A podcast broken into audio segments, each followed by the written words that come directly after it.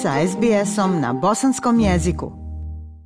Pozdrava Iša tebi i slušateljima SBS radija. Predsjedavajuća vijeća ministara Bosne i Hercegovine Borjana Krišto 20. februara sastala se u Briselu sa članovima vijeća za opće poslove Evropske unije sa kojima je razgovarala o reformskim aktivnostima koje Bosna i Hercegovina provodi na evropskom putu. One su u sklopu ispunjavanja 8 plus 1, odnosno 14 ključnih prioriteta iz mišljenja Evropske komisije komisije. Predsjedavajuća vijeća ministara Bosne i Hercegovine Borjana Krišto se upravo tog 20. februara video porukom iz Brisela obratila bosansko-hercegovačkoj javnosti i informisala o svojim aktivnostima. Evo šta je pored ostalog eh, Borjana Krišto rekla. Danas sam se sastala sa članovima Vijeća za opće poslove Evropske unije s kojima sam razgovarala o reformskim aktivnostima koje Bosna i Hercegovina provodi na evropskom putu, a u sklopu su ispunjavanja 8 plus 1, odnosno 14 ključnih prioriteta iz mišljenja Evropske komisije. Domaćin sastanka bili su povjerenik Evropske komisije za susjedstvo i proširenje, gospodin Oliver Varheli i savezna ministrica Republike Austrije za Evropsku uniju i ustavna pitanja, gospođa Karolina Štadler. Naknadno sam održala i odvojeni bilateralni susret sa povjerenikom Varhelijem. Članoma vijeća za opće poslove Evropske unije zapravo predočila sam rezultate našeg rada, odnosno ostvareni napredak e, u nešto više od godinu dana.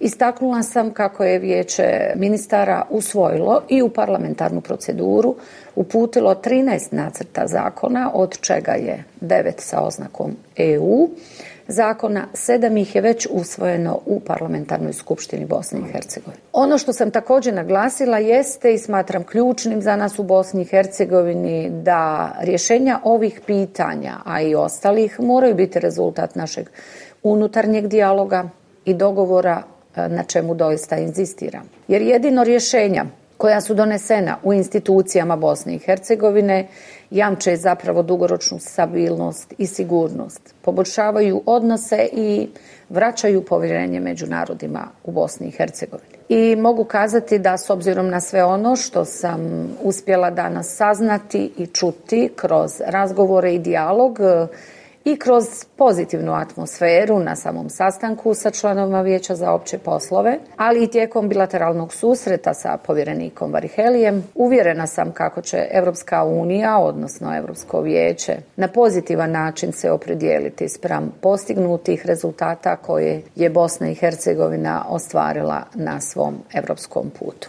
Iako se očekuju izmjene izbornog zakona koje podrazumijevaju i izmjene Ustava Bosne i Hercegovine, svi su nekako svjesni, pa i međunarodna zajednica, da će to biti dugotrajan i mukotrpan proces. Zato se od Bosne i Hercegovine i njenih vlasti očekuje ono najmanje što mogu učiniti, a to je poboljšanje integriteta izbornog procesa ali ipak uporno izbjegavaju ozbiljno se pozabaviti tim pitanjem. Čini se da ipak e, čekaju visokog predstavnika Međunarodne zajednice u Bosni i Hercegovini Kristijana Šmita da upotrijebi bonske ovlasti i nametne izmjene.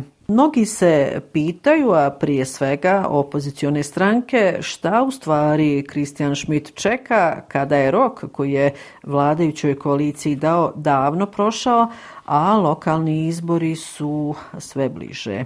E, također svi se slažu i opozicija i pozicija da se e, definitivno more uvesti savremene tehnologije u izborni proces.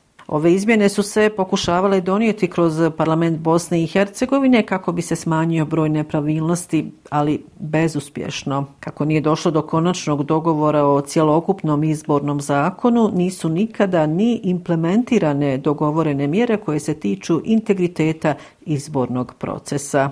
Tako da Aisha ostaje zaista otvoreno pitanje hoće li se bosansko-hercegovački političari ipak dogovoriti ili će na kraju presuditi visoki predstavnik Međunarodne zajednice u Bosni i Hercegovini Kristijan Schmidt, što opet, kako rekoh, opozicione stranke i tekako priželjkuju. 21. februara predsjedništvo Bosne i Hercegovine održalo je svoju sjednicu. Na ovoj sjednici predsjedništvo je zadužilo vijeće ministara Bosne i Hercegovine da u roku od šest mjeseci u saradnji sa nadležnim agencijama i drugim nadležnim institucijama pripremi i dostavi na usvajanje predsjedništvu Bosne i Hercegovine novu sigurnosnu politiku BiH.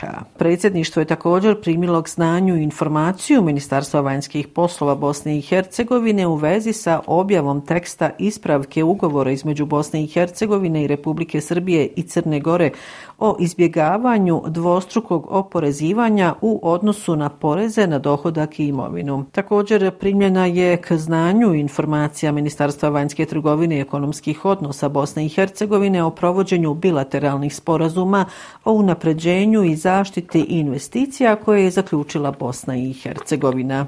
E, osuđeni i bivši premijer Federacije Bosne i Hercegovine Fadil Novalić e, dobio je poziv da se odazove na izdržavanje četverogodišnje zatvorske kazne u državnom zatvoru u Vojkovićima i to 6. marta objavili su svi ovdašnji mediji. Podsjetiću, Fadil Novalić je u predmetu respirator je osuđen na četiri godine zatvora, suspendovani direktor Federalne uprave civilne zaštite Fahrudin Solak na šest godina, a vlasnik Srebrene maline Fikret Hođić na pet godina. Inače, na posljednjoj sjednici Centralne izborne komisije Bosne i Hercegovine Fadil Novalić je ostao i bez mandata u predstavničkom domu parlamenta Federacije Bosne i Hercegovine. Iako je ranije donesena odluka da bi Ismet Gavran Kapitanović mogao biti direktor kliničkog centra Univerziteta u Sarajevu, on ipak neće biti imenovan na to mjesto. Nakon dugog čekanja nije dobio saglasnost Ministarstva zdravstva Federacije Bosne i Hercegovine